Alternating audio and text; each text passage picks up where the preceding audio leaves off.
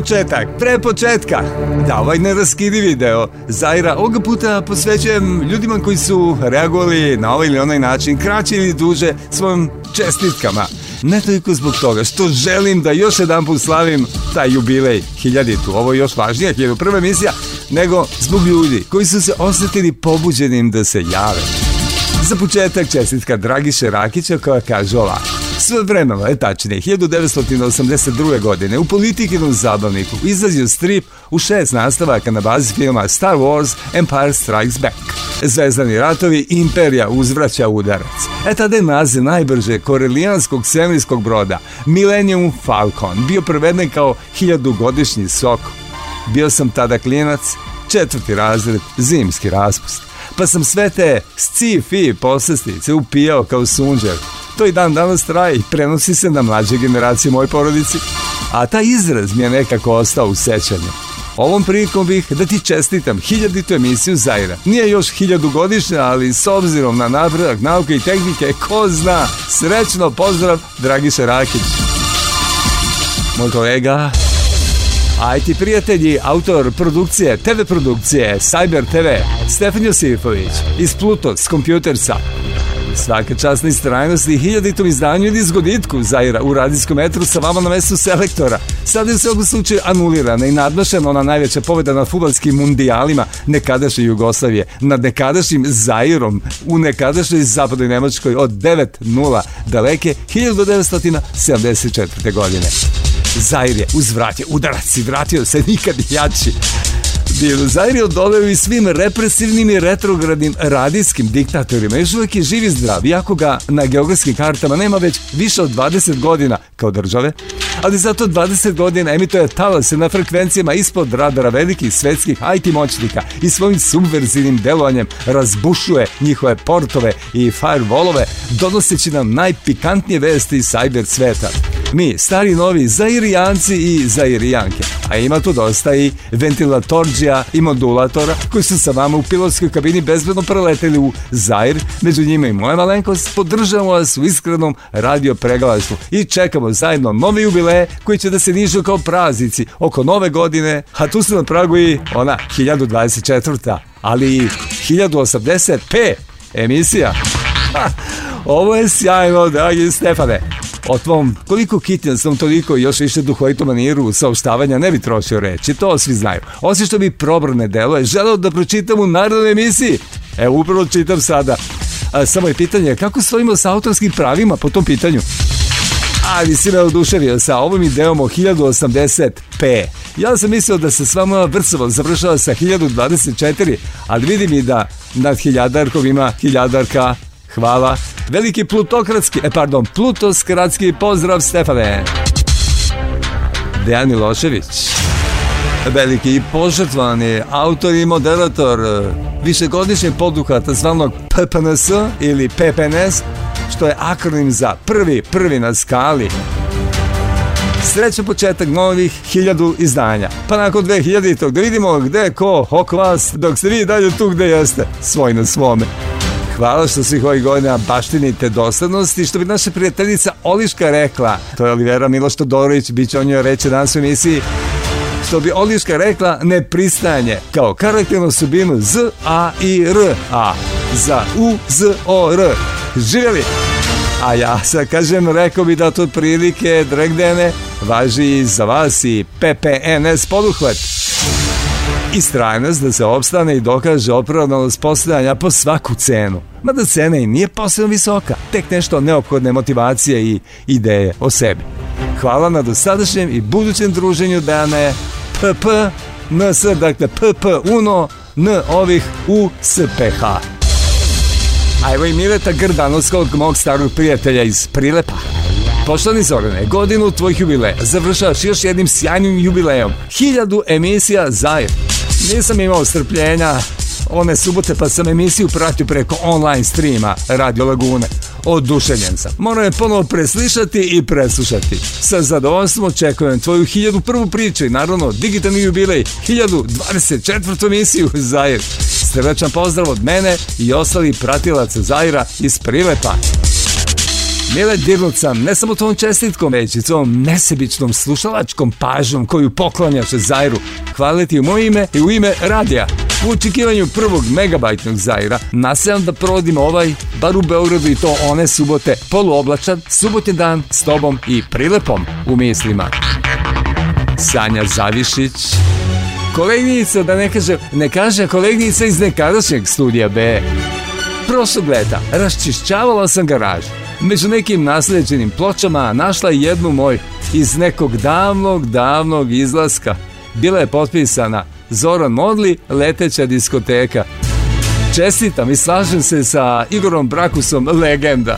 Dodajem sjajan čovjek i kolega, po skriptum, ploča sačuvana kao raritet. Hvala, draga Sanja, na čestitki svakako, ali pre svega na sačuvanom artefaktu tvog ličnog muzeja. Naša je Sanja odmah odgovorila, nema slučajnosti u životu. A Dejan Todorović je poslao poruku. Čestitke podnom jubilarne emisije, ceo radio program i neku vrstu epohe sam delio do hiljadite i od hiljadite emisije. Sjećam se pre 80 emisija, e da sam računao kada će ova jubilarna i da sam pogodio jer vi ne idete na odbor i jedna od redkih emisija koja ide nedeljno i to bez jedne pauze. Sve najbolje, puno zdravlje i da što duže trajete, a da, jedva čekamo jedno gigabajtnu, tu famoznu 1024. Dene, ja mislim da će ta biti ona prava. Mada još uvijek nemam pojma kakva to. Ja bih mogao da i dalje da čitam, ali nema smisla. Vreme da prekinem. Hvala svima i hajdemo na špicu. Konačno. Ima se. Nine. Eight. Seven. Reakcija, reakcija. Da, gospodine, to je radio emisija Zorana Modlija posvećena svetu savremenih tehnologija. Od digitalnog zvuka, preko notebooka, sve do Facebooka. Na radiju, na radiju, na radiju, na radiju. Zakon akcije i reakcije. Wow.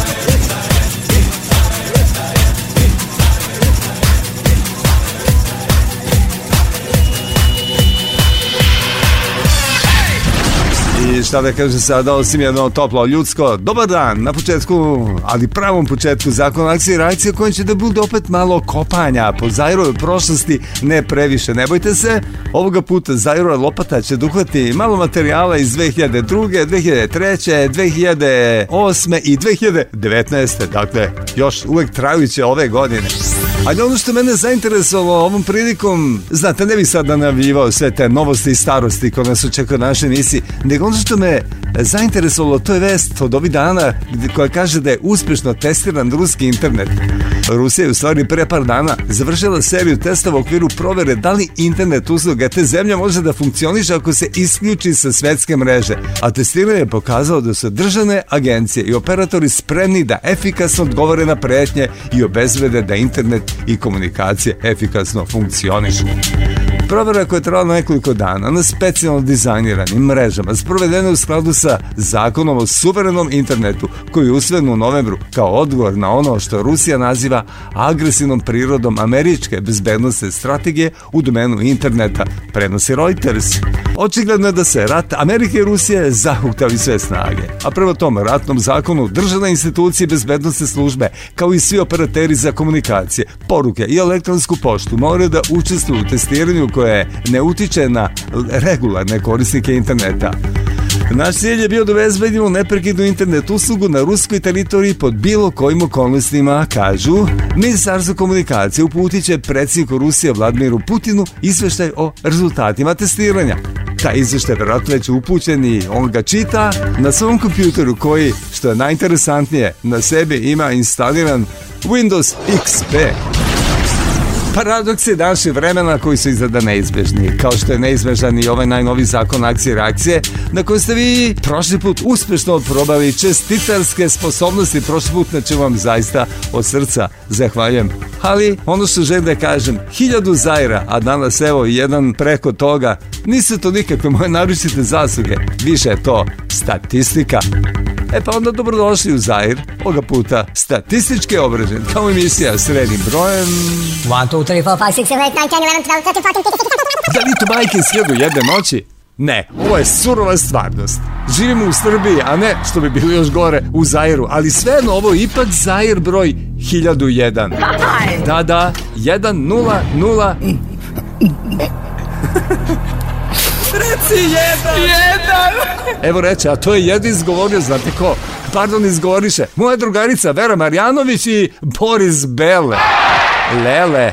Koliko im je trebalo? Welcome, welcome. A sada, nakon najave, pređimo na... Vesti, vesti, vesti, vesti. Idemo opet s vestima. 144 megapiksela u telefonu. Čini se da se rat megapiksela na mobilnom tržištu zahuktava. Kamere sa senzorima od 64 megapiksela su već postale standard, a ima nekoliko modela koji koriste Samsungov senzor od 108 megapiksela. Ovaj senzor će se naći u novom Galaxy S11 smartfonu. A ni ovo nije kraj. Samsung najavljuje i još bolji senzor sa čak 144 megapiksela. Senzor će biti izgrađen, ne, izrađen u 14 nanometarskoj FinFET tehnologiji, a trošit će i 42% manje energije. Ovaj senzor bi mogli da vidimo i u Note 11 telefonu, mada nema se umio da će biti predstavljen i u modelima drugih brendova. Brendova i trendova. Music. Molim vas ljudi, imamo jednu muzičku premijeru u današnjem zakonu akcije reakcije. Pesma se zove Radioaktivna i igra, vid mene igra. Grupa se zove Igra duhova. Sve vam je on nekako poznato, možda ne toliko pesma koliko grupa Igra duhova. E pa, u ime Igra duhova, Miloš Radović, frontman, spakovao mi je poklon podom hiljaditog Zaira upravo ovu pesmu. Morate da pogledate taj njihov video, sjajan je, postavljen je upravo decembar meseca 2019. godine, pre neki dan. Za scenarij ove video priče pobrinuo se Dejan Radojković, kamer montaža Nebojša Simonović Sabljar, produkcija Studio Fabrika, plesa grupa Studio Plesa, RIS Beograd, Body Art, Atila Boršik, produkcija Tioli Records. Tioli, Tioli znači Take It or Leave It, Ta produkcija zaslužna i za distribuciju videa i za distribuciju pesme. Spot Radioaktivna, inače je najava novog CD albuma grupe Igra duhova, da li zaista postoje duhovi? CD kao bonus sadrži album Prvi put, objavljen 1993. Također zanju uh, Tiolija, dakle Take It or Leave It Recordsa. Pa šta da kažem Milošu Radoviću? Hvala na ovom audio poklonu Miloše. A mi slušamo Igru duhova i pesmu Radioaktivna. Zagir. Palite sada radio. Što kažu, pali brate, radio je zakon. I da li zaista postoje duhovi? Prekidam sa gledivim posljedicama.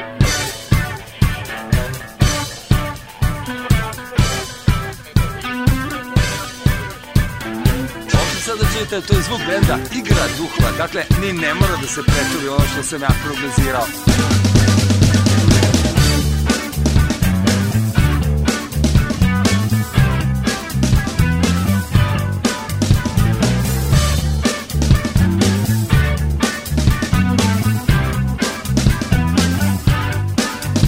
Ona sluša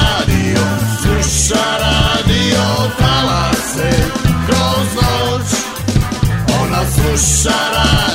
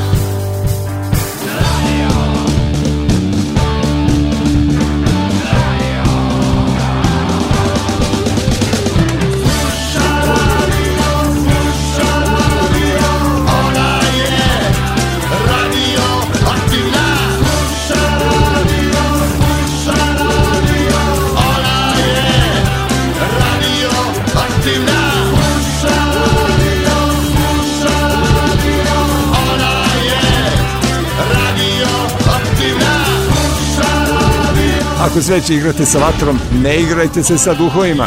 Bilo pesma Radio Aktivna, band, igra duhova, produkcija, decima 2019. godine. Prva Radio Aktivna nava njihovog novog CD albuma Da li zaista postoje duhovi? Great music for a great city. DVD.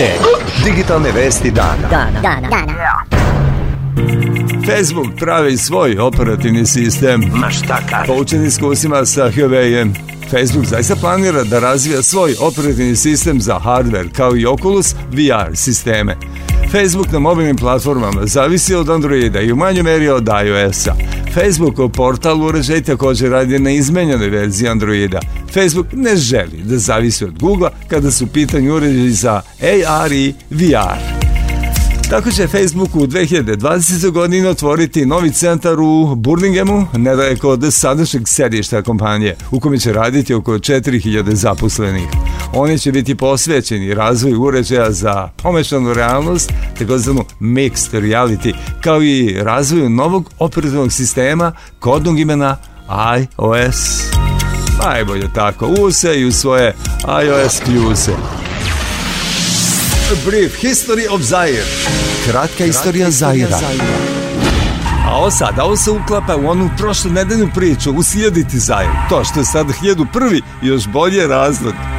Naime, ispostavilo se da sam ove godine tačno 50 godina pred mikrofonom. Što nije neverovatno kada se zna da sam rođen 1948. Istovremeno vazduhoplovstvu sam 45 godina, tokom aktivne službe najviše godina sam proveo u Jatu 20, isto toliko kao kapetan u kompaniji Prince Aviation.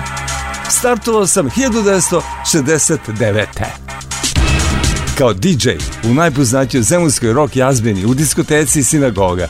Iste godine počeo sam da se pojavljujem na tek osnovnom Beogradu 202, ali sam se proslavio kao radijski DJ tek dve godine kasnije kad sam se zaposlio na ranom Studio B stacionar u sinagogi u Zemunu napustio sam 1972. kako bih mogao da putujem po Jugoslaviji sa svojim disko karavanom po ugledu na čuvene britanske disđokeje tog vremena Emperor Roskoa, Tonija Prinsa i Jimmya Sevilla. Od 1975. moj putujući disko karavan sam normalno prozvao letećom diskotekom Zorana Modlija, jer te godine sam započeo sa pilotskom obukom, pa je to bio najbolji način da se pravim važan i svima dam do znanja da sam i pilot. Od tada se avijacija i radio neprestano prepliču u mom životu. Ljudi govore. Koji ljudi? Ljudi koje Zair voleo. U ovim proteklim zavisnim godinama upoznao sam i jednog vozača hitne pomoći koji je bio radiovoditelj, koji je pesnik, koji je genije, bar za mene, a i za mnoge koji ga znaju, a to je njegovo VVV, ovo to je NVV, njegovo voditeljsko veličanstvo. Dan Dimitrijević Mita. Evenog delića naših susreta u 2012. godini. Genijalni pesnik Dan Dimitrijević, zvani NVV Mita i danas sa novom pesmom, ali pre svega novim poglavljem priče o svom životu. A vidiš, više nisi na radiju. Posle si napredovao pa si otišao da voziš kola hite pomoći. Vozio sam i to i štemovao zidove i mislim, sve radim i dalje po pozivu, nije problem ali nisam sa urednicima nikada ovaj, bio toliko blizak da bi oni mene zadržavali i da bi mi omogućili da i dalje radim. A nemoj da žališ zbog toga, mnogi to negde zaslužuju, da ti bravo kažem. Ne žalim, žao mi je samo uh, slušalaca mojih koji su se na Facebook organizovali pod grupom iz Cista Mita, to moram da napomenem. Oni su pisali i Zoranu Kesiću za Fire Republiku, pa sam i tamo bio gost. To si tamo, da, da, da, da, to si čuo. Pa sam gostao u emisiji Tabloid pre početkom februara, jer su pisali e, Saši Aleksandru Filipoviću, voditelju, koji se onda meni javio, kaže, ovi tvoji pišu, oni su već malo počeli da prete, naravno Kesiću su svoje vremeno pretili, što ga ne zoveš, što ga ne zoveš, ovaj čovjek nije znao ko sam ja u stvari, pa se onda njima izvinjavao, tako da imam malu ovaj, vojsku, ali veoma odabranu. Onda sam radio na jednoj radio stanici koja je bila satelit internet varijanta. I onda rekao, ajde da vidim. I onda sam radio za svakoga, pa je tu bilo i muslimana, i hrvata, i bošnjaka, i nekoliko turkinja koji, i rumunki koji nisu znale srpski jezik, ni jednu jedinu reč, ali su, pošto je taj gazda inače poznati pevač, ali neću da ga imenujem, jer ne zaslužuje, vole njegove pesme, pa onda na njegovom sajtu vidi radio stanicu, pa uključe se i čuju nekog mitu, odnosno mene znači ne znaju e, srpski jezik, ali e, moj glas i način na koji sam ja to blebetao šta god da sam radio, pričao i moje smenje ih je privuklo i onda su one, četiri noći nedeljno sam radio svake noći one su tu i onda se javljaju putem ovih kompjutera e, javljaju se da su tu i na engleskom i malo tako pričamo, pošto sam ja naravno slab i na polju engleskog, onda druga slušateljka, na primjer jedna Tanja iz, e, ko živi u Kanadi, onda ona prevodi njima šta ja kažem na srpskom, pa ih pozdravljam i tako je to išlo. Da. Tako da sam imao tu neku, da kažem, popularnost van naših granica, ne samo kod naših ljudi. A na tajnom kanalu. A na tajnom kanalu, da. Ti znaš kako ono zovu bosance koji radi u tajnoj službi? Ne. Secret. Pa ovo ti, ti imaš i ti svoje konspirativno ime, ostalo je Mita, mada tebi su Mita zvali, prepostavljam, zbog onog Dimitrije od ranog e, da, da, da, da, Znači, to nije još. to naknadno... Nije, nije, nije. Samo ono NJVV što piše, to sam ja sam sebi dodao, a to u stvari znači njegovo voditeljsko veličanstvo. Mislim, dao sebi e, taj nadimak zadatak, odnosno zvanje, zato što sam umislio da sam neki voditelj, nego jednog dana kada sam odlazio na emisiju, pored mene je prozujeo auto NKV registracija Kraljevskog visočanstva, i umalo da dođe do sudara jer oni voze tako malo življe i onda ja kroz naravno i psovke jer ne, neizbežne su u takvim situacijama razmišljam prvo šta li ono beše nje cover, on proletao tako brzo, da li sam dobro video, jer video sam slova umesto uh, brojeva. Onda kad sam shvatio to NJKV, setim se i šta to znači i onda dolazim na radio i sad, pošto sam ja svojim slušalcima sve pričao šta mi se dešava u životu, Ovo ispričam i to, e, mogli ste, kažem, da ostanete i bez mene ovoga dana, ali eto na sreću niste. NJKV za malo da ne ubije i onda sebi kažem, ako je on NJKV, što ne bih ja bio NJVV? i tako je došlo do toga. Nisam ja nadobudan i ne znam šta, nisam umislio da sam nešto, nego eto, više, sve je šale, sve iz šale. Tako je i danas govorio njvb meta Dejan Dimitrijević. Malo iz šale, a više iz glave. A da nije baš sve šala, moram da vam kažem, to je da vas podsjetim, da je nedavno održana i promocija njegove druge knjige, Papir, trpi, sve.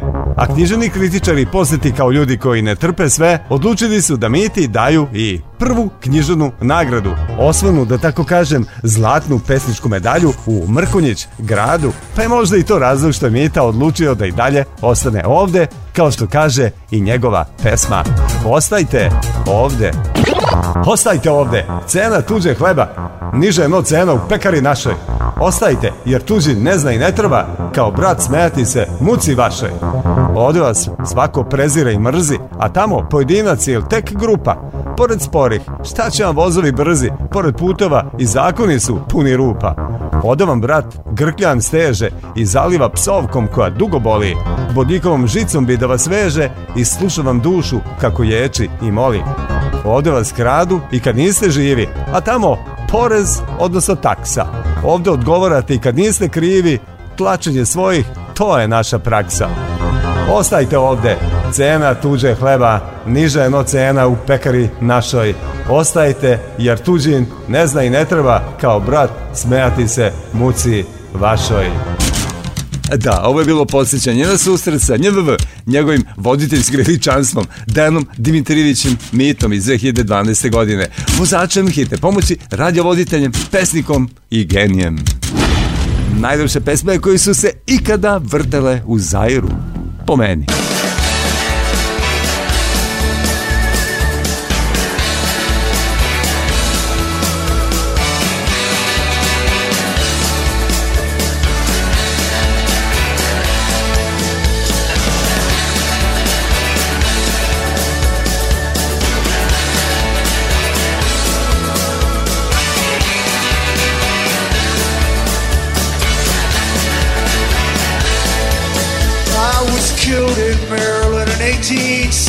sip when railroad workers made their stand. Yeah, well, I was killed in 1963, one Sunday morning in Birmingham.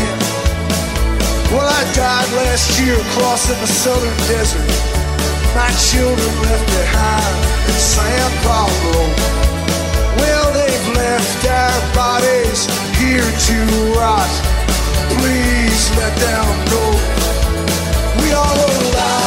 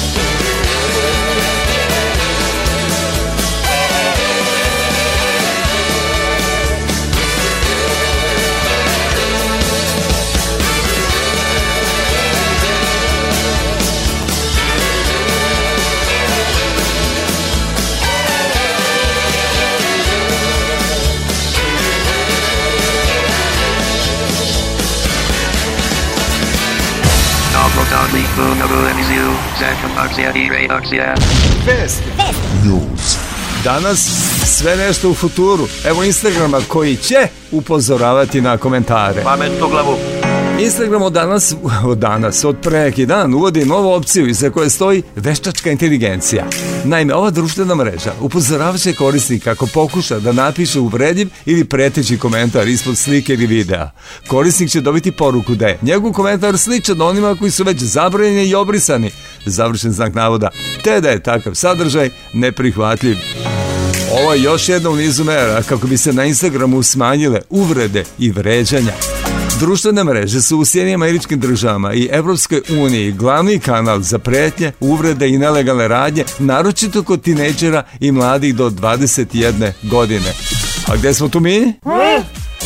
Tu smo, tu smo, ne brinite. Excellent! A brief history of Zaire. Kratka, Kratka istorija Zaira. Zaira. Nasijam svoju medijsku ispovest dugu, rekao ono pre. Koliko ono beše minuta? 50 godina. Dakle, tu svoju medijsku ispovest sada nastavljam svojim najznačajnijim radio emisijama. Emisija Ventilator tačnije ventilator 202. Rođena je juna 1979. na Beogradu 202. Kao nekadašnja zvezda, studija B, dobio sam zakasneli poziv, te kada sam malo izbledala sećanja na mene kao voditelj studija B, Dakle, tada sam dobio zakasneni poziv iz Radio Beograda. U trenutku kada se Beograd 202 odlučio za perestrojku, pripremajući se za veliku ofanzivu osvajanja novih slušalaca. Ventilator 202 se vrlo brzo pretvorio u program koji je delovao na dva paralelna fronta. S jedne strane bio je inkubator iz kojeg su se izlegali mladi demo bendovi, a s druge strane je duva u jedra kompjuterske revolucije koja je s tadašnjim spektrumima, komodorima i galaksijama brisala sve pred sobom.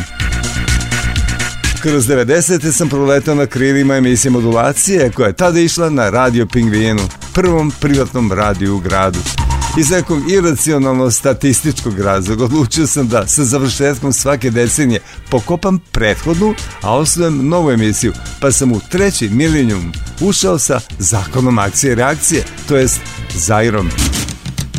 Zair je krenuo 2000. godine na, gle opet, Beogradu 202. Izdržao sam ovaj comeback uživo, samo jednu sezonu, a onda se prepustio čarima digitalnog konformizma – Profi editori zvuka na solidnim PC mašinama omogućili su mi da se prebacim na kućnu produkciju i emisiju ponudim i drugim zainteresovanim radiostanicama.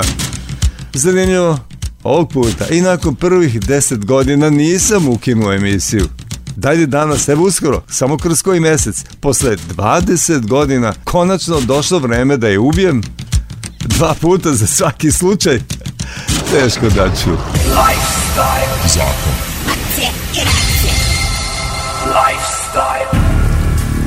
Ljudi govore. Koji ljudi?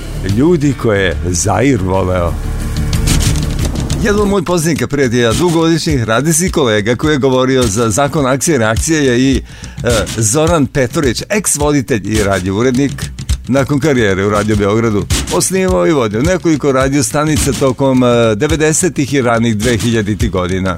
Evo kako on govori o mladim ljudima na radiju i njihovom odnosu prema profesionalizmu, to jest kako je govorio te 2002 tu je sad još jedna dodatna priča koja ne znam koliko ima veze s medijima, više ima veze sa ovom tranzicijom i sa svim ovim o čemu mi govorimo. Mi moramo da se raskinemo više sa tim samoupravnim načinom razmišljenja, koji ja čujem čak i kod mladih ljudi što me prilično impresionira. Ja sam radio daj pare.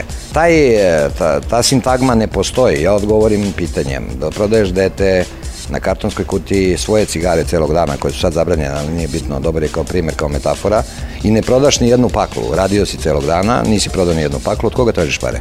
Dakle, taj perpetuum mobile koji nam je u negativnom smislu ostavio, to je od negativnih pojava komunizma, to da postoje pare, ja sam radio daj pare, to ne postoji. Privatno, privatizacija, tržište, ono čemu mi stremimo, posljedica toga je da svaki čovjek mora da zaradi za sebe, za preduzeće, za vlasnika, za gazdu i da to tera napred, napred, napred, napred da zna da radi 8 sati koncentrisano, da ima 15 minuta eventualnog e, odmora da pregrize kiflu, jer to je ta Evropa. Ne možemo selektivno uzimati sve ono što mi bi uzeli od njih plate, ako može da imamo po 5000 maraka, ali da radimo kao i pre. Sintagmo glavi, ne mogu ja toliko malo da radim, koliko mogu malo da me plate, da se dolazi na posao, da se ukrade spajalica, parče papira, nezainter šef služi da se razvuče po patosu, bez ikakvog poštovanja, bez ikakvog poštovanja. Firma u kojoj radim služi da bi se ispljuvala prvom prilikom i u toj firmi ili kad izađemo u prvom restoranu. Ta nelojalnost, ta nemoralnost, sa svim tim treba u trenutku ili što je pre prestati i to ne zato što ja mislim da je to možda najbolji izbor, to je naša sudbina, odnosno sudbina sveta u kome živimo. I što pre pristanemo na takve stvari, pre ćemo početi da konzumiramo to u nekim normalnim količinama i onda ćemo stvarno biti svet. Jer forma koju država nametne, to je jedna stvar, ali suštinski da li smo mi u tome ili ne, to je na nama samima. Svi ti mladi ljudi koji se mediji atraktivan, tu imate i medijsku infekciju koju ja to tako nazivam, to se dešava, to svi stari znaju kad vide decu kojima pruži mogućnost posle 10-15 dana mikrofona, kako to deluje na njihovu svest, oni drugačije hodaju, oni se drugačije smeju, oni se drugačije obhodi, obhode prema svojim čak kolegama. A sad možete pretpostaviti tamo da ih ne znaju ljudi kad izađu van, onda su još pet puta faktorijal pet i prepotentni i misle da su nešto uradili i tako dalje. Ta medijska infekcija koji iz nje iziđe zdravo, on i napreduje, ukratko, i od njega se može nešto očekivati, ko se tu zabetonira, od njega nikad ništa, jer pravi, mislim, vrti se u krug i ta institucija koja ga angažuje vrlo brzo ga skloni. Tako da je to sklop, da ja ne držim sad velika predavanja, sklop mnogih elemenata. Najlepši posao je na svetu definitivno, zato se njime i bavim. E, ljubav prema tom poslu, šansu, ja ne znam da postoji sistem u ovoj zemlji koji daje šansu ljudima baš s ulice da probaju, da vide šta je to, da se okušaju. Međutim, imam primedbu malo na sve te naše mlade ljude u njihovoj motivaciji osnovnoj, koja ne može da bude opravdana samo parama, ja čak tvrdim i ovde često govorim da im podarim svima po 1000 maraka da bi kvalitet programa skočio 10%, 15%, što je zanemarljivo. A go rekao sam cifru koja je možda i 10 puta veća nego što ona koja postoji. Ne može se u pesničkom poslu tražiti motivacija u novcu. Ne može pesnik za 10.000 maraka napisati ovakvu pesmu, a za 50.000 napisati za nagradu. Ne. On je ili dobar pesnik ili nije dobar pesnik. E sad od situacije, za koga izdaje, za koga piše, zavisi da li će dobiti tu neku materijalnu nadoknadu ili ne. Pošto je ovo u osnovi inspirativan, pesnički još jedan put, negde filozofski posao, on ne može da bude prouzrokovan i osnovna motivacija ne može da bude ni u materijalnom, niti, pošto je elektronski medij u pitanju, samo u tehnici, samo u tim mogućnostima i tako dalje. Može se duhom dosta toga nadomjestiti, što bi rekli govorio ex-voditelj i radionik Zoran Petrović u Zairu 2002. godine o mladim ljudima na radiju i njihovom odnosu prema profesionalizmu a kakav je moj odnos prema najlepšim pesmama svih vremena koji su se vrtale u Zairu? Evo ovakav.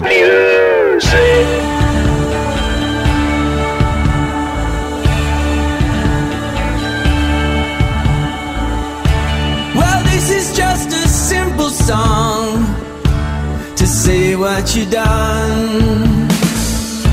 I told you about all those fears.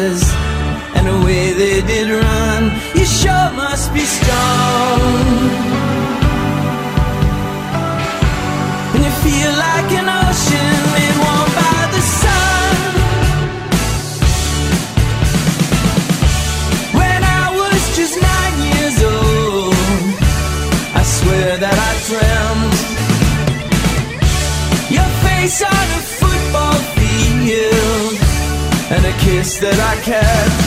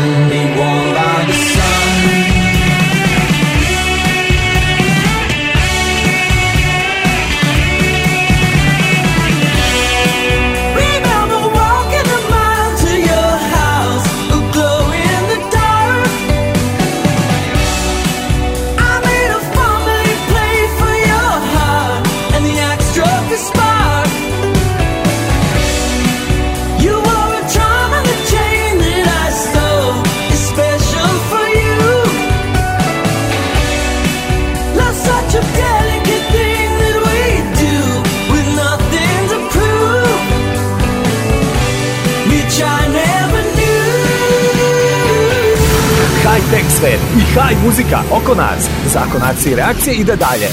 What's novo? Vesti IT News. Uz ovo tunka, tunka, tunka, tunka, bolje bi što neki posmrtni marš zbog vesti koja kaže da je Windows 10 Mobile otišao u istoriju. Microsoft Mobile 10, kaže Stefan Dević iz PC Pressa. Nažalost, završava, iako realno nije ni krenuo. Tek što se točak zakotrljao, hardware postao zanimljiv, a sam software se pokazao kao pouzan. Ubilo ga nešto što njegovim prethodnicima nije dozvolilo ni da rašire krijela. Nije ga koristio dovoljan broj ljudi. Podrška za Windows 10 Mobile prestaje 10. decembra. Znači, Windows 10 Mobile, obzirom na današnji datum, odavno je sahranjen. Telefoni koji rade na ovom operativnom sistemu radit će i dalje, ali poslednji talas Windows Mobile uređaja neće više dobijati ažuriranja i zakrpe. Poslednji update je bila verzija 1709 Win 10 Fall Creators Update. Ako ste vlasnik Lumije 640 ili 640 XL telefona, kao što sam i ja i dalje. Mada sam odavno prešao na nešto drugo. Već ste osjetili taj neprijatan čin, jer se podrška za te uređaje završila u junu. Za poslednje Samurai Windows mobile uređaja poput HP Elite X3, Microsoft Lumia 550, 650 i Lumia 950, 950 XL kao i Alcatel Idol 4S, 4S Pro i One Touch Fierce XL-a, vreme da se penzionišu. U suprotnom, na nepoznatom se terenu može će sve raditi kako treba. Ali je pitanje do kada? Često to zavisi od pojedinačnih kompanija koje stoje iza određenih aplikacija na ovoj platformi. Dakle, podignite veđe, malo optimizma, još i da nade. Goodbye. A brief history of Zaire. Kratka, Kratka istorija, istorija Zaira. Zaira. A sada, ajmo curice, ajmo dječaci, ajte vi mlađi i moji vršnjaci. A sada, kada u ovoj godini, kada interno samo obeležavam 50 godina pred radijskim mikrofonom, a sve ničim izazvanim hiljaditim zajrom od prošle nedelje, da pređe na treći čin moje ovo nedeljne male ispovesti. A treći čin se zove Zair. Radio emisija Zair, akronim za zakon akcije i reakcije. To je autorska emisija posvećena tehnološkim komunikacijama, a ponajviše reakcijama ljudi na high-tech svet oko nas, kao što znate naravno. Tematski se bavi digitalnim dobom u kojoj živimo, tehnološkim inovacijama, kreativnom primjenom hardvera i softvera, elektronskim medijima i naravno avijacijom, a čime bi još.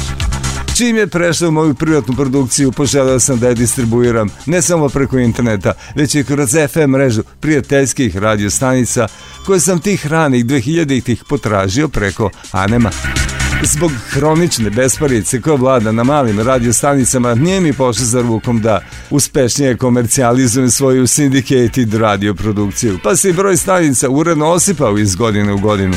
U ovom trenutku Zair se čuje u Vranju, OK Radio, i Nišu, City Radio.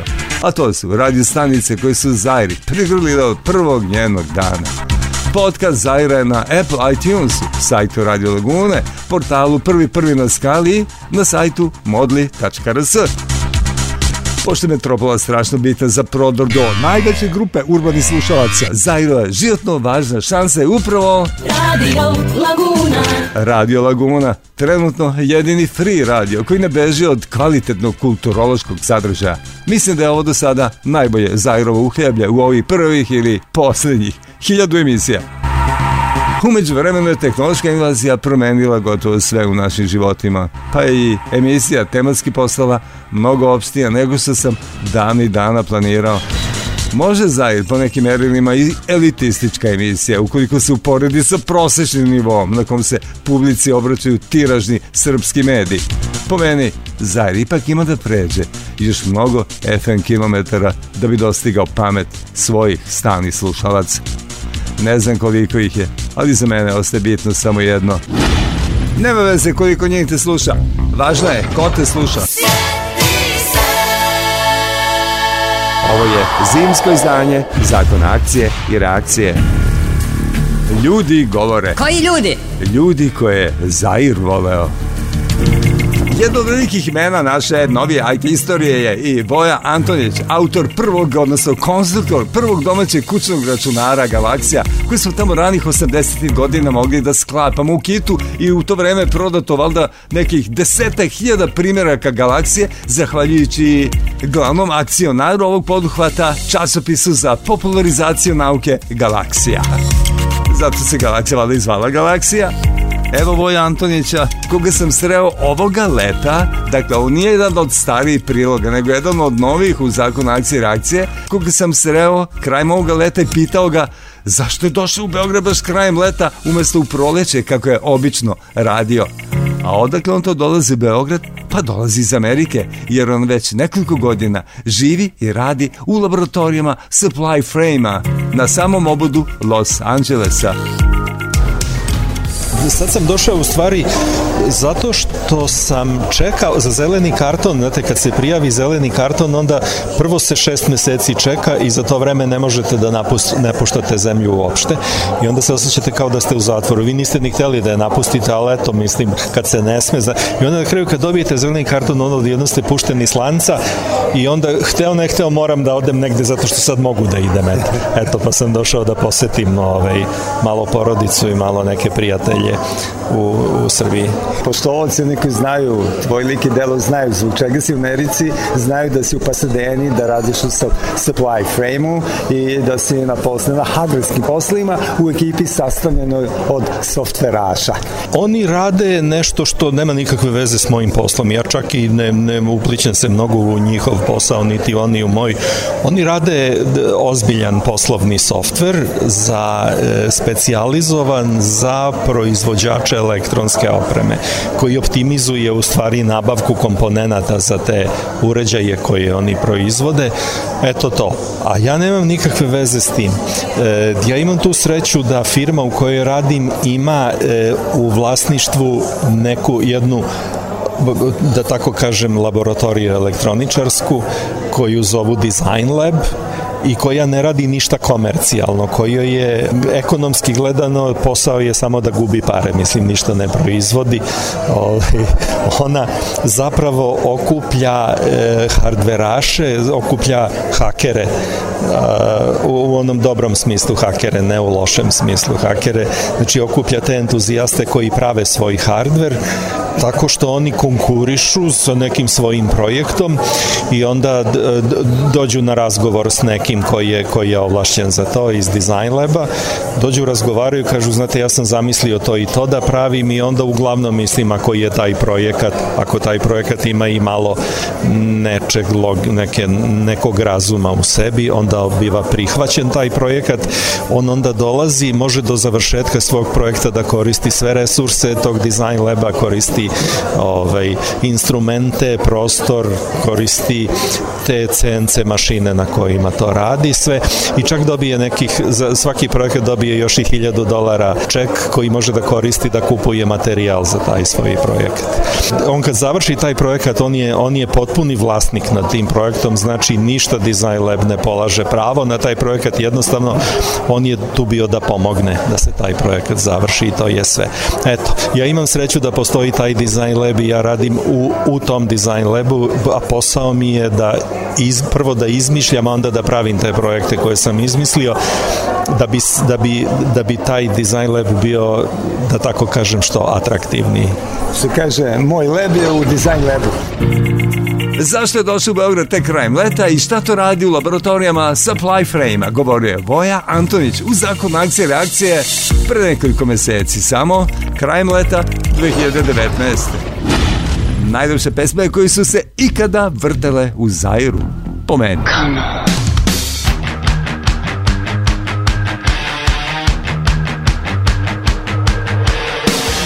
like perfection, some kind of holiday. You got me thinking that we can run away. You wanna take it there, you tell me when and where. Oh, oh, oh, oh. But then I asked for your number, said you don't have a phone. It's getting late now. I gotta let you know that everybody wants.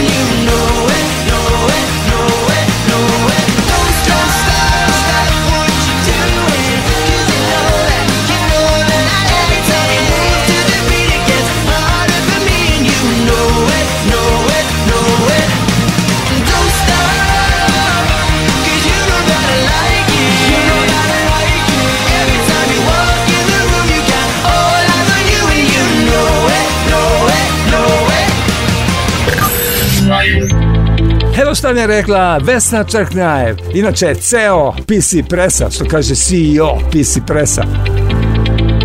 Ima zadovoljstvo da predstavim, da pred kraj godine u stvari uputim mnošto lepih želja za narednu godinu, a za čitanje u slobodno vreme tokom praznika preporučim još jedno naše izdanje, specijalna 15 strana posvećen najnovim mrežnim tehnologijama. U specijalu pod imenom 10 GBE i optika. Dakle, 10 GB E i optika. Saznajte, da li je došlo vreme za upgrade i šta je potrebno da biste uveli optičku mrežu u vaše radno okruženje. Pored toga pročitajte i kakav je potencijal optičkog prenosa podataka i kako da ostvarite brzine do 10 gigabita u sekundi. Specijal je inače potpuno besplatan. Hurra! A možete ga pronaći na našem sajtu onda juri svina pcpress.rs i zgrabite sve što možete, a naročito PC Pressov novogodišnji specijal. Don't forget. Svakako, ovo nije sve. U istoj emisiji sledi nastavak priče. Samo malo strpljenja. Listen carefully to this message. Da i ste se slučajno zapitali kako se stiže do PC Pressove top 50 liste dobitnika ovoga puta za 2019. godinu? Mada znate, u stvari znate da to 50 priznanje koje PC Press, ova redakcija, dakle preko 20 godina dodeljuje najboljim sajtovima, aplikacijama i nalozima na društvenim mrežama. Priznanje se dodeljuju u kategorijama vesti informacije, e-market, poslovni i društveni servisi, baze znanja, obrazovanje i kultura, sport i avanturizam, mobilna aplikacija i nalozi na društvenim mrežama LinkedIn, Instagram, Facebook, Twitter i YouTube. Publika PC Pressa nominuje kandidate za top 50. Na sajtu pcpress.rs od 15. decembra možete da glasate sve do 8. januara naredne godine. Biće u stvari objavljen javni poziv za slanje nominacija. Svi posetioci sajta mogu da predlože sve omiljene sajtove, aplikacije ili naloge na društvenim mrežama za jedno od top 50 priznanja. Uslovi za nominacije su da je yeah predložena internet lokacija na srpskom jeziku i pismu ili da je barem jedan od jezika srpski, da sadržaj ne vređa manjinska verska nacionalna i politička prava i da sajt, odnosno aplikacija ili nalog na društvenim mrežama postoji duže od šest meseci. Dakle, ne možete da registrujete pa da onda kao što neke ovde rade kada su u pitanju novčana sredstva iz gradskog i državnog budžeta za neke poduhvate. Ne, ne, ne, ovde je sve transparentno i pošteno. Od pristignih nominacija se formira lista po broju predloga gde se na prvom mestu nalazi sajt, aplikacija ili nalog na društvenim mrežama koji je dobio najveći broj predloga. Prvi 10 sa te liste ulaze u trku za nagradu publike, zajedno sa tih 10 stručni žiri bira 50 najboljih. A da, nisam rekao još i ovo. Muzika molim vas iz početka. Glasanje za nagradu publike biće otvoreno na Facebook stranici PC Presa od 9. januara u podne do 16. januara u povodne takođe. Glasanje će biti javno i u svakom trenutku može se pratiti tok glasanja i trenutna rang lista kao ono kada su svi beograđani glasali da se stari most prebaci na ušće. Odmah, po zatvaranju glasanja, biće proglašen pobednik sajta, odnosno aplikacija ili nalog na društvenoj mreži koji je dobio najviše glasa publike a priznanje Top 50 pobedniku će biti uručeno 4. februara u Skupštini grada Beograda. Mada bi PC Press kao opšte IT glasilo mogo malo da se prošeta i po drugim gradovima Srbije. Vesna, šta kažeš na to? Vi slušate Zajem. zanimljivosti. Zanimljivosti. Zanimljivosti. Ivan Gačan, meni Ivan Gačan, Ivan Trajković odlučio da kaže koji su najpopularniji gadžeti obeležili naše živote tokom protekle ne godine nego decenije. Za manje od ne već koliko dana ne dočekamo samo novu godinu, već i novu deceniju. Evo koji su tehnološki gadžeti obeležili deceniju za nama. Idemo redom, ali na glavačke, od desetog ka prvom mestu. Pa, da krenemo. Gadget broj 10. Google Glass bila je revolucionarna naočare sa AR, dakle augmented reality mogućnostima i trebalo je da promene način na koji koristimo lične računare. Ipak, Google je posle samo par godina odustao od ovog projekta. 9. Nokia Lumia 1020 bio je revolucionaran telefon te 2013. godine. AMOLED ekran i nevjerovatna kamera od 41 megapiksela. Ipak telefon je radio na Windows Phone platformi koja nikada nije uspela da zaista parira Androidu i iOS-u. Broj 8. Beats Bluetooth zvučnici su začetnici audio revolucije, Odličan dodatak svakom smartfonu i tabletu. Iako zvuk Bluetooth zvučnika nikada nije bio vrhunski, danas imamo i bežične zvučnike vrhunski marki za par hiljada dolara. Broj 7. Google Nexus smartfoni, kasnije nazvani Pixel, prvi su pokazali kako Google vidi pravu Android platformu. Današnji Pixel smartfon imaju neke od najboljih kamera na tržištu. 6 prelepljena web kamera. Nije gadget, ali je stvarno važan. U godinama kada su mnogi zabrinuti za bezbednost na internetu, ugledajte se na šefa Facebooka Marka Zuckerberga i prelepite web kameru sa tejpom. Bez obzira na čemu se nalazi, na laptopu, televizoru, tabletu, telefonu. A što biste radili sve to? 5. Selfie stikovi, nekome korisni, nekome veoma iritirajući. Omogućili su nam da napravimo fotku u telefonovi iz baš svakog ugla. 4. Eksterne baterije su postale neophodne u svetu gde mnogo ljudi živi na internetu, a preko svog smartfona ili tableta. Baterija na par procenata poslala je noćna mora širom sveta i zato eto vam putujućeg akumulatora koji vam je uvek u džepu. 3 iPad je bio i ostao jedini tablet koji zaista možete da zameni laptop računar. Danas u verziji Pro omogućava vam da montirate video ili uređujete fotografije bukvalno bilo gde. 2. Akcijne kamere su zamenile velike i nezgretne camcordere, a omogućile su nam da napravimo neverovatne video snimke. Danas možete kupiti 4K akcijnu kameru sa odličnim mogućnostima za manje od 100 dolara. I konačno na prvu mestu gadgeta u poslednjoj deceniji električni automobili. Nekada naučna fantastika, danas realnost. Od prvih Toyota električnih automobila preko popularnih Teslinih modela, budućnost automobila je električna, a većina proizvođača već ima ili planira na desetine modela na baterije. Da, tačno imanje, budućnost automobila je električna, ali Čuli ste u prošlom Zairu i budućnost aviona. Zakon akcije i reakcije. And now. Sa lice mesta na licu mesta. Are you ready? Šokar, moj kolega Vice, Oliver Miloš Todorović, obeležuje 25 godina. Kako nam kaže, 25 godina kritičke neravnodušnosti i dokumentarističkog nepristajanja produkcije Šokar. Ovaj jubilej obeležen je sredinom decembra u Jugoslovenskoj kinoteci u postizanju nemogućih ciljeva, značaj, saradnje, verovanje i podrške svih onih koji su bili uz Oliveru i Shock a upravo na to ona je žela da ukaže i drugima. Da, da.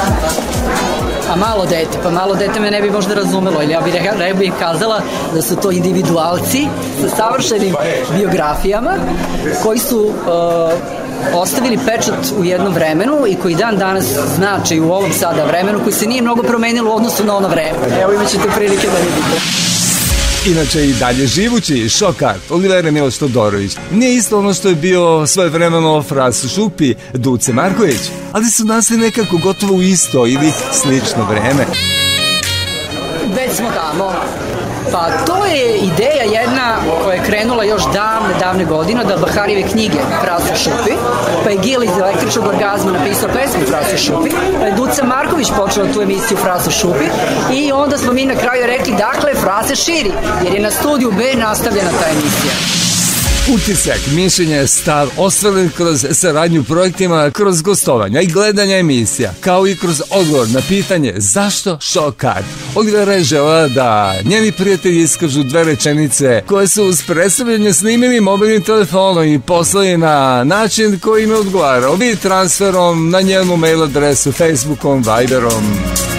Sve te video poruke bile su emitovane u nedelju tog 15. decembra u Jugoslovenskoj kinoteci individualci, autori sa specijalnim senzibilitetom, ljude, ljudi koje ja volim i uvek e, nekako mi na pamet padne ona protina ideja prota iz grupe Škart, deo grupe Škart, koji kaže komuniciram samo sa ljudima koje volim. E pa tako i ovo večer. Posvećeno samo ljudima koje volim. I oni su tu. Oliverin šokatija nastu vremenima kada su Srbiji vladali strah, siromaštvo i cenzura i kada su svi oni koji su podržavali građanske vrednosti marginalizovani i ugušeni. U čemu je dakle šok? Šok je u tome što je i danas isto tako, pa je i šok kart potrebniji nego ikada.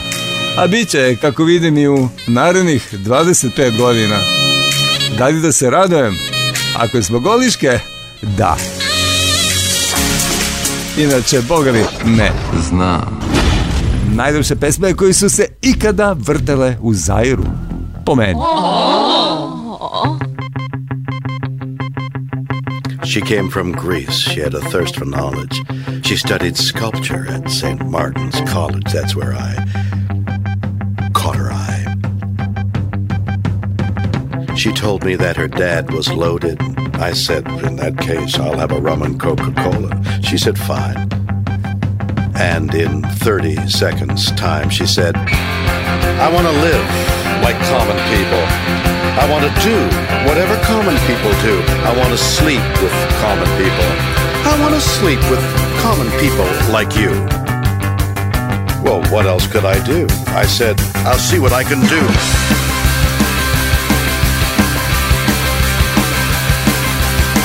I took her to a supermarket. I don't know why, but I had to start it somewhere. So it started there. I said, pretend you've got no money. She just laughed and said, oh, you're so funny. I said, yeah? Well, I can't see anyone else smiling in here. Are you sure? You want to live like common people? You want to see whatever common people see? You want to sleep with common people? You want to sleep with common people like me? But she didn't understand. She just smiled and held my a platter barber shop. Cut your hair and get a job. Smoke some fags and play some pool. Pretend you never went to school, but still you'll never get it right.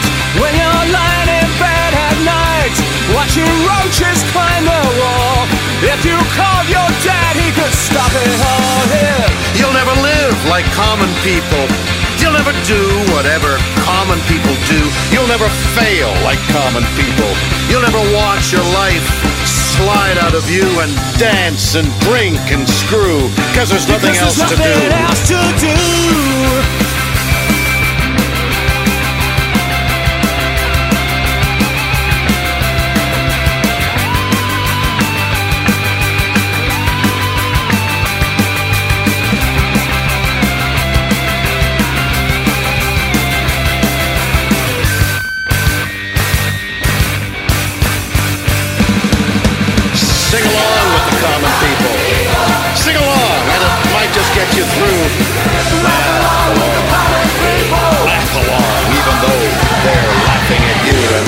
stupid things that you do because you think that poor is cool. Like a dog lying in a corner, they'll bite you and never warn you. Look out. They'll tear your insides out. Because everybody hates a tourist. Cause everybody hates a tourist. Especially one who thinks it's all such a lie. Yeah, and the chip stains grease will come out in the back.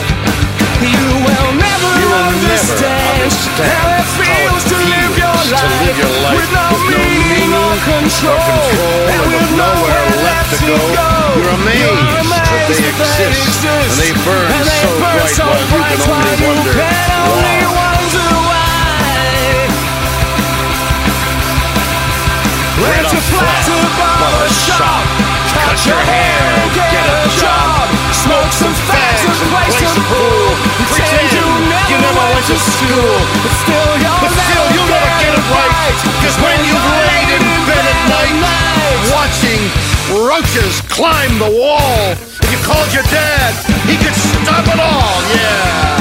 You'll never live like common people. You'll never do, you'll never do what common people do. You'll never fail like common people. You'll never watch your life slide out of you and dance and drink and screw. Cause there's nothing else to do.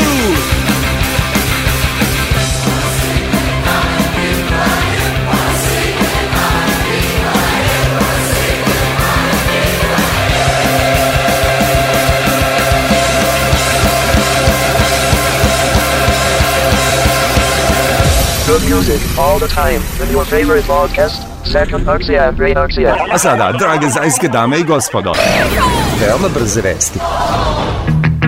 Novi Android telefoni koji se budući budu pojavili u Turskoj moraće da funkcionišu bez Google aplikacija, budući da tehnološki gigant nije uspio da reši probleme sa vlastima u ovoj zemlji.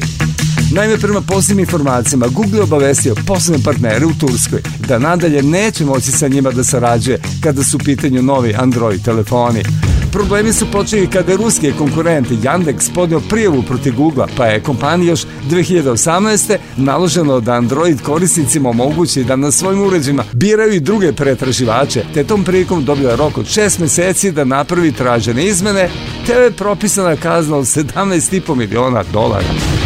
Google kaže da su pregovori sa turskim vlastima u toku, tako da za Android korisnik u ovoj zemlji još uvijek nije sve izgubljeno, a stari modeli neće biti poguđeni promenama kao ni drugi servisi ove kompanije. Veoma brze vesti. Kina zabranila kompjutere sa zapada i to kao odgovor na trgovinski rat i blokadu kompanije Huawei. Kineske vlasti su donele novi zakon kojim se zabranje upotreba računara zapadnih kompanija u državnoj upravi, vojsci i školama. Iako nije jasno na koga se ova zabrana tačno odnosi, ova e, sva verovatnoća je da su u pitanju gotovi računari kompanija HP, Dell, Samsung i drugi. Takođe, novim zakonom se favorizuju domaći hardware i softverske kompanije. Ipak, mnogi tehnološki stručnjaci smatraju da će ovaj propis biti teško sprovesti u praksi, sem izbacivanja Windowsa kao glavnog operativnog sistema. Čak i kineske kompanije poput Telenova u svojim računarima koriste američke procesore iz Intela ili AMD-a, matične ploče i memoriju sa Tajvana i hard diskove iz Južne Koreje. Kako god se okreneš, onaj donji deo leđa ti je uvek na jugu. Veoma brze vesti. Ajde sad pa štrajkujte. Evo, IT giganti otpuštaju štrajkače. Znate šta nam sada preostaje? Da se obešim. Google je otpustio nekoliko zaposlenih koji su pozivali druge kolege na štrajk i obustavu rada. Takođe, Google je angažovao nekoliko kompanija koje su specijalizovane za razbijanje štrajkova. Zaposleni u ovoj kompaniji protestuju zbog uslova rada, naročito oni koji rade preko trećih firmi da IT giganti nemaju razumevanja za štrajkače i proteste nije ništa novo i Amazon se često susreće sa štrajkovima i protestima zbog loših uslova rada i najmanje dnevnica u celom sektoru. Pa ja sam čitao da tamo imaju flipere, bazene, tobogane, stone futbale, bašte za odmaranje.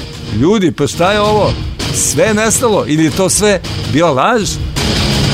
Ranjele godine u Google su protestovali čak i bitni menadžeri i programeri zbog polutajnog dogovora kompanije i kineske vlasti oko izrade specijalne verzije internet pretraživača za korisnike u toj zemlji. Tako znači, gde god se umeša mnogo mnogoljudna Kina, mnogo ljudi ode pod led. Samo da za ovo naši neću, pa da i oni krenu po istom receptu. Krenuli su da sređuju uzbunjivače, a sad će i štrajkače. I javi mi sutra da vidim šta si uradio. Bili su ovo. Zair. I... Veoma brze vesti. Evo nas sada na Tajlandu gde se roboti brinu o pacijentima. Šta bi ja bez tebe? Roboti kao takvi su prisutni u industriji već više od tri decenije. Automobilska, elektronska i farmaceutska industrija u velikoj meri zavise od upotrebe robota u proizvodnji. Iako su već duboko zagazili u 21. vek, i povratka nema. Još uvijek nemamo lične i kućne robote koji će nas zameniti u svakodnevnim poslovima. Iako postoje usisivači roboti, to je mali procenat današnje tehnologije. Kompanija Sony nudi svog psa, robota nazvanog Aibo, ali u pitanju više igračka nego koristan robot. U bolnici u gradu Mongu Tatvana na Tajlandu deo medicinskog osoblja su roboti. Iako ovi roboti sa crvenim očima koji su obučeni u žute uniforme mogu evropljanima delovati zastrašujuće, ljudi na Tajlandu ih smatraju zapravo prilično lepim. Njihov posao je da prenose dokumentaciju pacijenata kroz bolnicu i da pomažu ljudskom osoblju u administraciji. Ovi roboti su proizvedeni u Kini, a koriste magnetnu traku po kojoj se kreću, kao i niz kamera i senzora. Rukovodstvo bolnice veoma zadovoljno svojim robotima, pa u budućnosti planiraju da im poveri prenos medicinske opreme i pripremu malih doza lekova. Širom Azije postoji čitava kultura robota, pa su tako i mnogi restorani, brze hrane, pumpe i hoteli opremljeni robotima koji dočekuju goste i turiste. Javlja naš specijalni dopisnik sa Tajlanda, Ivan Trajković, koga sam tamo poslali na jedno tri nedelje odmora. Te, kad bi tako bilo. Ono što Zajer može da učini za njega, to je da mu omogući doživotni odmor u Vranju. Ivanom rodom gradu uši. Muzika samo za moje uši. Najljepše pesme koji su se ikada vrtale u zairu. Oh.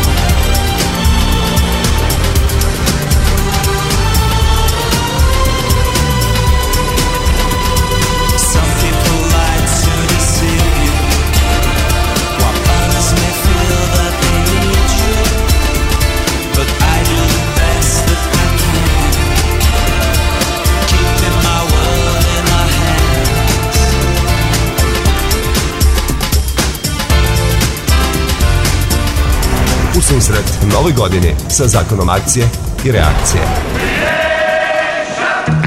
Ova podloga koja ide ispod mog glasa zove se I'm a spy. Yeah. E pa, dobro se uklapa u poruku Microsofta koji poručuje žrtvama ransomware-a ne plaćajte cyber kriminalcima. Napadi ransomware postaju sve učestalije, a istovremeno raste i broj žrtava koji pristaju da plate kriminalcima da bi dobili ključ za dešifrovanje svojih fajlova. Ukratko, uspešan napad ransomwarea svodi se na to da se fajlovi na kompromitovanom uređaju šifruju, a potom se blokira pristup sistemu. Od žrtva se traži da plate otkupninu za ključ za dešifrovanje, što bi im omogućilo da ponovo dobiju pristup uređaju i fajlovima. Iako ne postoji garancija da će cyber kriminalci zaista dostaviti ključ za dešifrovanje ili će ukrasti podatke i zatim zatražiti više novca da ih ne bi javno objavili. Sve više kompanija koje pristaju da plate cyber kriminalcima. Dva takva slučaja medijski su aktualna posljednjih nekoliko dana. Najveće bolnice u New Jersey, Hackensack Meridian Health, platila je hakerima da bi povratila kontrolu nad svojim sistemima nakon što je neko uspeo da provali u njihovu mrežu i zaključa sve uređaje.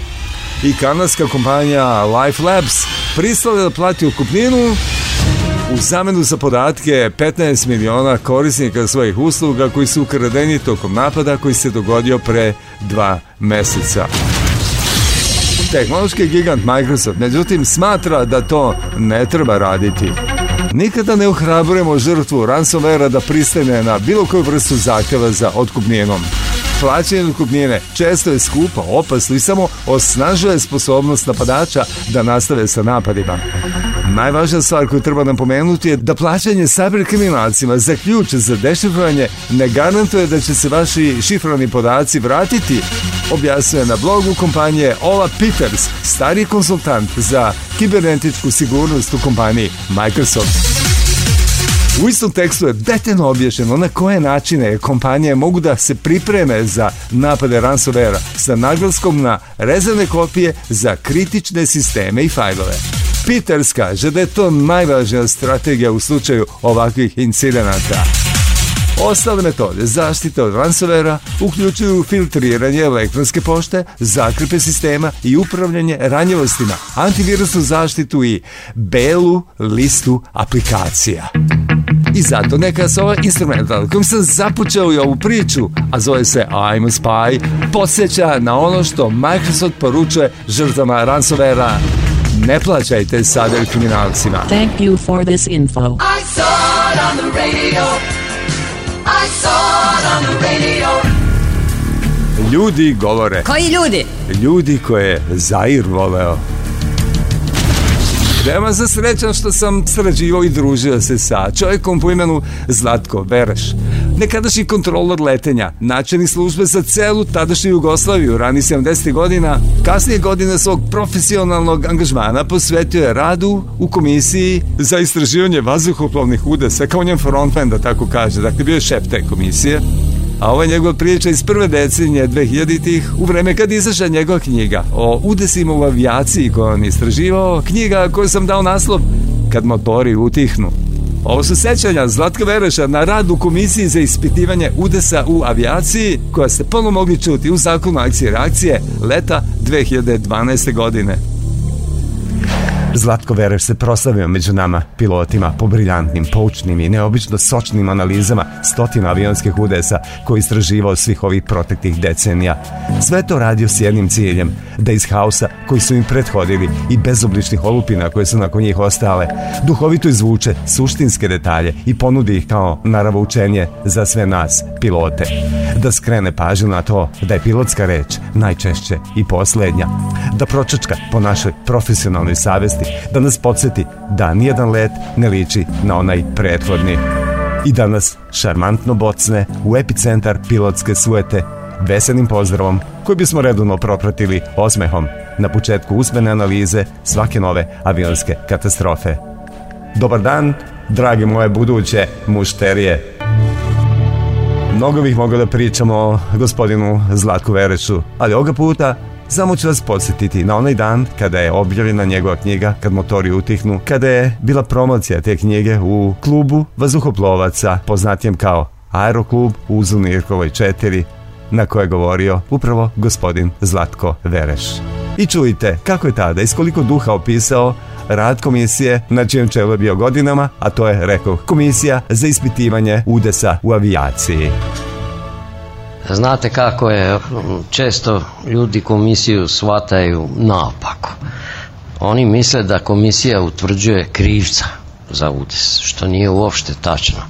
Komisija treba da utvrdi uzrok udesa i to u, u cilju preventive, da se takav isti udes iz istih razloga ne ponovi. To je u stvari dužnost e, ovaj, komisije i to su i njena prava i obaveze. Pravosudni organi mogu na osnovu izveštaja u udesu da odluče da je u pitanju krivično delo ili da nije krivično delo i to je onda dalje njihova stvar i oni to rade po zakonu, u krivičnom zakoniku. Mi radimo po našem pravilniku, po IKO aneksu 13, radimo i mislim da skoro uvek imamo razumevanja za ono koji je napravio udes.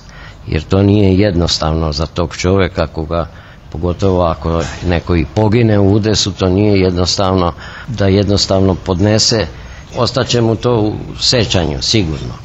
Kad je veliki udes, mogu vam reći onda to čak i lakše raditi zbog toga što imate, imate gomilu stradalih, ali imate i gomilu posla i tada ste vi vrlo okupirani i na terenu i posle terena pregledavanjem dokumentacije i tako dalje. Mene su uvek najviše pogađali udesi tako kad recimo otac i majka potpišu nekom klincu od 16 godina da može da postane jedriličar i taj izgine. To je jako teško to je teško sigurno najteže za roditelje ali verujte nije, nije, nije lako ni za ovaj nas u komisiji ja se recimo dan današnji sećam još uvijek to naročito kad popijem nešto čestito ne ovo što peđa tu služi sad ovaj sećam se maganika tamo je karavela udarila sa skoro 500 km na sat u vertikalnu stenu to je bilo rasprskavanje, doslovce. I tamo smo našli najveći deo ljudskog tela bio jedan skrotum, međutim jedan dečkić od jedno pet, možda šest godina, bos u kratkim pantalonicama, u štrafastom majici, sećam ga se kod danas, iako imam i fotografije te. Ovaj, on je ležao čitav, mislim u jednom komadu zabijen ispod jedne stene cela strana mu jedna bila crna i ovaj jasno da su unutra organi potpadali i tako dalje, ali je bio u jednom komadu. E, njega se koji put setim. Međutim, nije uvijek to tako tužno i na kraju krajeva neko i mora i taj posao da radi. U interesu, kažem, preventive. A imate i koji put kad se slučaj dobro završi, pa vam bude i smešno na kraju sećam se jednog slučaja od dosta godina, pre, pre možda 25 godina, ako ne i više, a, dok je Vršac još imao a, svoj aeroklub i onda je jedan laširant prvi put išao samostalno na maršrutu sećam se da je išao Vršac, Zrenjanin, Gardinovci na Dunavu pa nazad a kraj te rute kojom je on trebao da leti su njegovi roditelji u jednom selu živeli i on je njima javio da će on da nadleti njih sin pilot i oni su čekali u dvorištu on je skrenuo sa maršrute krenuo prvi put u obrušavanje pa izvuko šandelu pa a roditelji mašu mašu u dvorištu pa drugi put pa mašu pa treći put pa kad je opalio u svinjac u dvorištu ubio tri svinje on se razbije, ali to je jedinstven slučaj jer vi imate protupožarni zid na tom avionu između motorskog prostora i kabine pilotske koji je sastavljen od 27 slojeva šper ploče. To je, to je tvrđe od, od čelika. On je uspeo da prođe telom kroz to i samo se ugruvo. Odvezli su ga u bolnicu, međutim ubio te svinje tatine to se dobro sećam, tri prasice od 200 kila. I ovaj, posle jedno mesec, dva, a to je nažalost, ja mislim, naš mentalitet otprilike, e sad je tata gledao kako da izvuče korist od toga. A sad sin ostao živ, avion ode, aeroklub izgubi avion i on je tužio aeroklub sudu tri godine smo se mi vukli u Zrenjaninu kao svedoci, pošto članovi komisije ne mogu da budu veštasi na sudu, jer su jedan put svojim izveštajem izveštačili uzrok udesa. Pa na sud, pa na sud, pa na sud i na kraju je dobio. Platio je, morao je platiti aeroklub svinje tom tati nesrećnom. E kad je to čuo njegov prvi komšija iz Atarabe, tamo s one strane, dokle avion uopšte nije ni došao. E, i on sad tuži i ovaj advokat mu napisao da je a, e, morao da zakolje tri, isto tri prasice od 200 kila zbog toga što su doživele stres i prestale da jedu. I mi opet na sud. Ali ta je izgubio na sudu, nije dobio na sudu.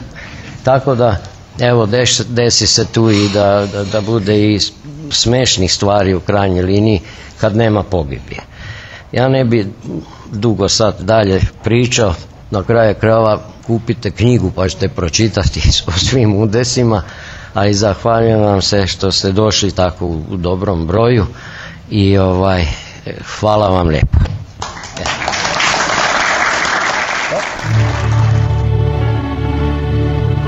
Govorio je Zlatko Vereš pilot, godinama ključni član Državne komisije za ispitivanje udesa u avijaciji. A ovo što je govorio moglo se čuti na dan kada je izašla njegova knjiga o udesima u avijaciji po naslovom Kad motori utihnu.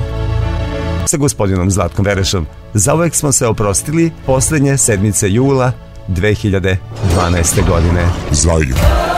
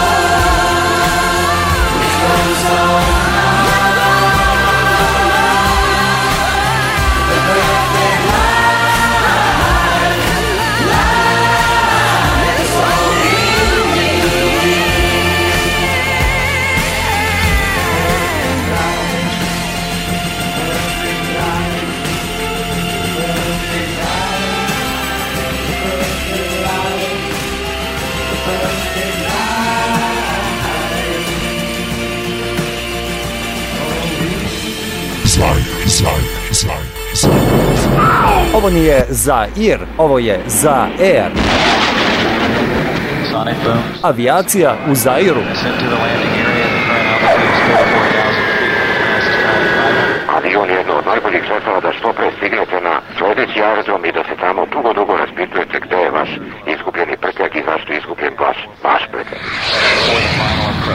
Kako god okrenete, ovo je bučno, zrne, ne? Ali u međuvremenu odobrena proizvodnja nasinog tihog supersoničnog maznjaka.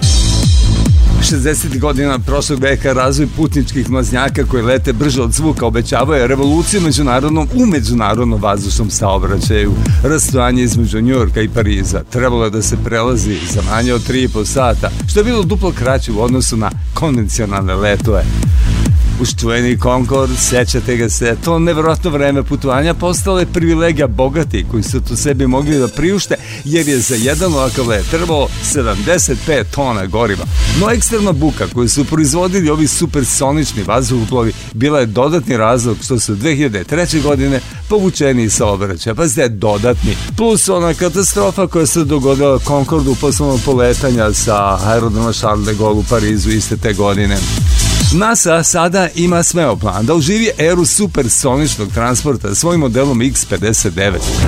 To je nova takozvana tiha supersonična tehnologija, kvaja Supersonic Quest sa SST na kraju, kako se zvanično zove, X-59, eksperimentalni mlazni avion koji je razvila svemirska agencija, a koji ima takav dizajn koji smanjuje nivo buke kada avion probija zvučni zid.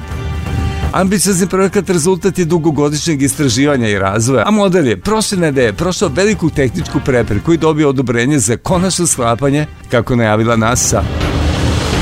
To znači da će X-59 2021. obaviti svoj prvi probni let, čiji detalji će biti potvrđeni i odobreni već ove godine. Mlaznja koji će probijati zvučni zid, ali mnogo tiše, koji neće stvarati probleme ljudima na zemlji, gradi kompanija Lockheed Martin, a ceo projekat košta blizu 250 miliona dolara, a nama ostaje da vidimo da li će nazvučni vazdušni prevoz dobiti novu šansu i da li ćemo mi sa zemlje morati svaki put kada nik avion gore probije zvučni zid da otresemo malter sa ramena. transfer is complete. Three, two, one, zero. Liftoff. We have a liftoff. Pre desetak, dan više, dan manje, dakle 19. decembra imali smo najpopularnijeg srpskog sveca, dan pre toga Moja. Branka imala rođendan, a 17. decembra slavili smo dva sveca, Svetog Vilbura i Svetog Orvila. Ova dva sveca odlučila su da se popnu na nebo. 17. decembra 1903. godine, ali su u vis otišli samo 3, a u dalj dobacili 36 metara. Što bi svetovni ljudi rekli, mali korak za sveca, veliki za čovečanstvo, kao ono kada su Amerikanci 66 godina kasnije odlučili da se spuste na drevni zemljin satelit. Srećan, dakle, bio taj prohujeli dan avijacije ili, da budem precizniji, dan upravljivih letelica težih od vazduha na vlastiti pogon. Rogovato jeste, ali to vam je to deceniju pre braće Rajt, kroz vazduh su ultra lakom letelicom proklizala braća Oto i Gustav Lilienthal. Zlom srećom 9. augusta 1896. za vremenom grutinskog leta jetrilicom sa Brda Rinov iznenadan rafal vetra srušuje mlađeg brata Ota Lilienthala. Letač je sutradan izdahnuo u bolnici. Gustav je nadživeo starih brata za 40 godina.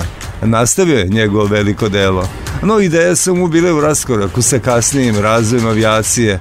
Umre od srčane kapi u jednom uglu modernog hangara berlinskog aerodroma Adlerhof, zanet nekom visokom i nezgratnom konstrukcijom sa pomičnim krilima, pregažen napretkom vazduhoplovne tehnike, jer tada je već postao redovan vazdušni saobraćaj na svim kontinentima. Što smo dalje u prošlosti? Avijacija je romantičnija. Što smo bliže sadašnjici? Avijacija je realističnija. Realistična je čak i ona najzir neopipljiva. Recimo, za novi Microsoft Flight Simulator kažu da će biti najrealističnija igra ikad napravljena. Gamerska sreća pregolema, ali da li je opipljiva, zavisi od istinoljubivosti i trostruko podcrtane marketinške nave po kojoj iduće godine na scenu stupa nešto što nema niđe na ovi svijet. prva verzija Microsoft Flight Simulatora predstavljena je davne 1982. godine i od tada se ovaj program neprekidno razvija. Poslednja aktualna verzija igre, desetka, pojavila se još 2014. Iako odavno važi za simulaciju koja je više od igre, najavljena verzija za 2020. godinu podići će nivo realističnosti kako se najavljuje za još nekoliko stepeni. S modernim tehnologijama i udruženim snagama drugih kompanija, virtualni pilot budućeg flight simulatora praktično neće razlikovati virtualni svet od stvarnog. Umesto računarski generisanih, podaci će se preuzimati iz bingovih mapa, a proces mašinskog učenja obizbedit će kreiranje potpuno realističnog ambijenta. Microsoft je sklopio partnerstva sa meteorološkim kompanijama, od koje će preuzimati stvarne meteo podatke u realnom vremenu sklopio sporozum i sa kontrolama letenja, odakle će preuzimati redove letenja i maršrute pravih aviona. Povezao se i sa kompanijom Azova Studio koja stoji za Fuel Open World, trkačke igre iz 2009. godine koja je ušla u Guinnessovu knjigu rekorda zbog najveće površine u igrama za konzole. Fly Simulator će virtualnim pilotima omogućiti da sednu u realistične kokpite i da iz njih vide one pejzaže koje bi videli da sede i u kokpitu pravog aviona. U novoj verziji biće implementirano više od 40.000 aerodroma širom sveta a digitalizovano je oko 510 miliona kvadratnih kilometara površine naše planete. Prema najavama, Novi Microsoft Flight Simulator će se prvo pojaviti na PC računarima, a kasnije će biti dostupan i na Xbox konzolama. Excellent! Nekima nije padalo na pamet da čekaju nove i Microsoftove, već su ohoho vremena pre toga preduzeli sopstvene korake u pravcu vlastitog simulatora i to hardverskog od glave do pete. Što reče Voja Antonić koji mi je i poslao ovu hakadevu priču o jednom od tih entuzijasta. Šta će, dokon čovek pa seo i napravio flight simulator, a znam da će ti se ovo svideti. I svidelo mi se. A da li će si vama? Skoknite na stranicu čiji vam link dajem i saznaćete kako je sagrađen ovaj kućni simulator, pa čak i dobiti uputstvo kako da ga i sami jednog dana sastavite, ako ikada to poželite. A kako je Dan Malone i sagradio svoj kućni simulator letenja, imate na hakaday.comu, dakle hakaday.com kroz 2016, pa ćete tu potražiti i priču o Next Level Home Built Flight simulatoru. Toliko o simulatorima. U stvari, Ovaj poduhvat me po ko zna koji put podsjetio na našeg čoveka, mog prijatelja i dugogodišnjeg kolegu Žiku Zuvića, koji je jedini novim prostorima uspeo da sagradi potpuno profesionalni simulator letenja za jedan veliki putnički avion Boeing 737-800 NG. Simulator na kom treniraju ne samo iskusni saobraćeni piloti, već i piloti početnici, ali i radoznali posetioci vazduhoplovnog muzeja na aerodromu Nikola Tesla, pod čijim krovom i boravi ovaj simulator. Svoj život započeo najpre u prostoru sportskog centra 11. april na Bežanijskoj kosi 2013. godine. Nekoliko godina kasnije preselio se na Terminal 2 aerodroma Nikola Tesla, a nakon francuske buržoazke revolucije ovog aerodroma, kada su novi vlasnici odlučili da kolegi Zuviću rebnu u podeblju Kiriju ukoliko misli da i dalje leti pod svodovima Terminala 2, Simulator je prihvatio ljubaznu ponudu vazduhoplovnog muzeja, pretrčao nekoliko stotina metara i sleteo u čuvenu staklenu pečurku okruženu od tajmerima naše avijacije. A da, tako je silom prilika postao i prvi simulator letenja koji nije samo stacionaran, već i dobrono pokretan, što svakako nije osobina prosečnih simulatora, bar ne onih za koje Ja znam. Muzika samo za moje uši. Najljepše pesme koje su se ikada vrtale u zajednu.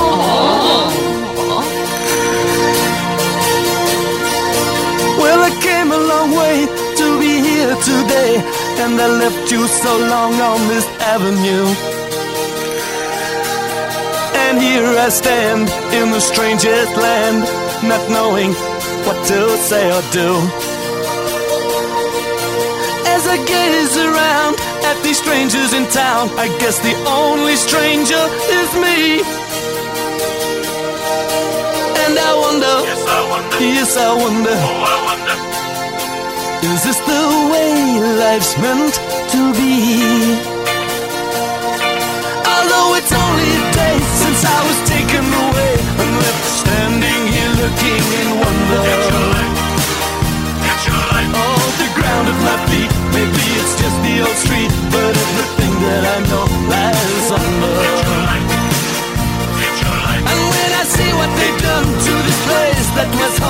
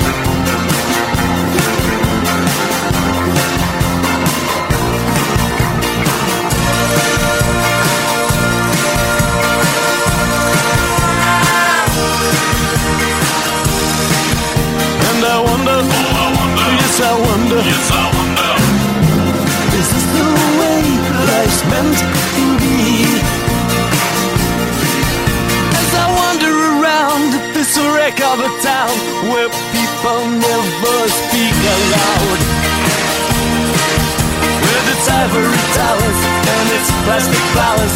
I wish I was back in 1981. Just to see your face instead of this place. Now I know what you mean to me. Ooh, and I wonder, oh, I wonder, yes, I wonder, yes, I wonder. Is this the way life's meant?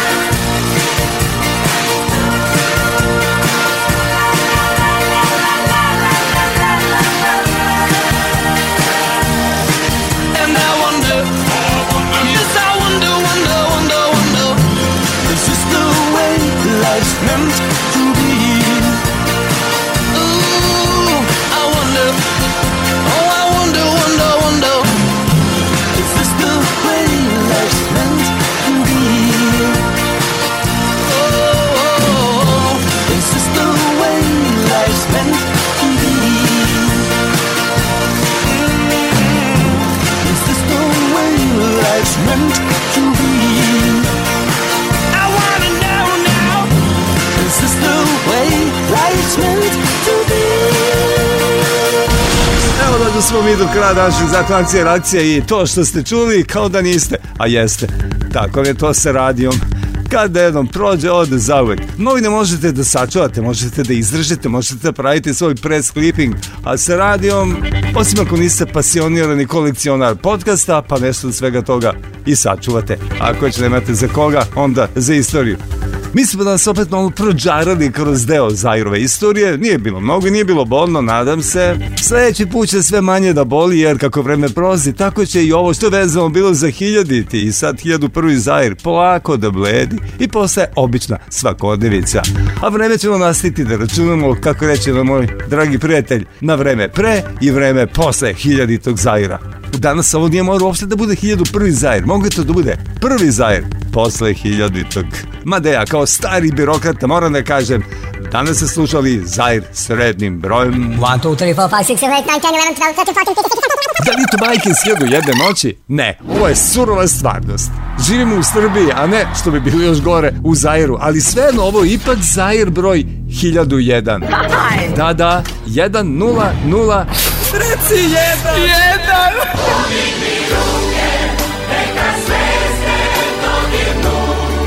Happy New Year!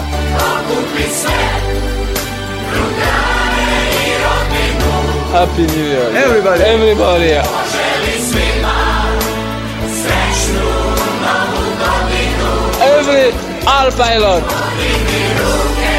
Moje ime Zoran Modli, a ovo oko mene bio je High Tech Sve. Happy New Year. Happy New Year. Everybody. Everybody. Yeah. Every Al Pilot. Srećnu Nema kraja bez odjave, a ovo je odjava najnovijeg izdanja, naučno-fantastične emisije, zakon akcije i reakcije. Hoću da kažem, ovde ste imali nauku i tehniku, plus fantastičnu muziku. Pa nastavite sada dalje uz radio vašeg života. E, nisi više interesantan, odoh ja tamo. I čujemo se za 1, 3, 4, 5, 6, 7 dana. That's beautiful, thank you.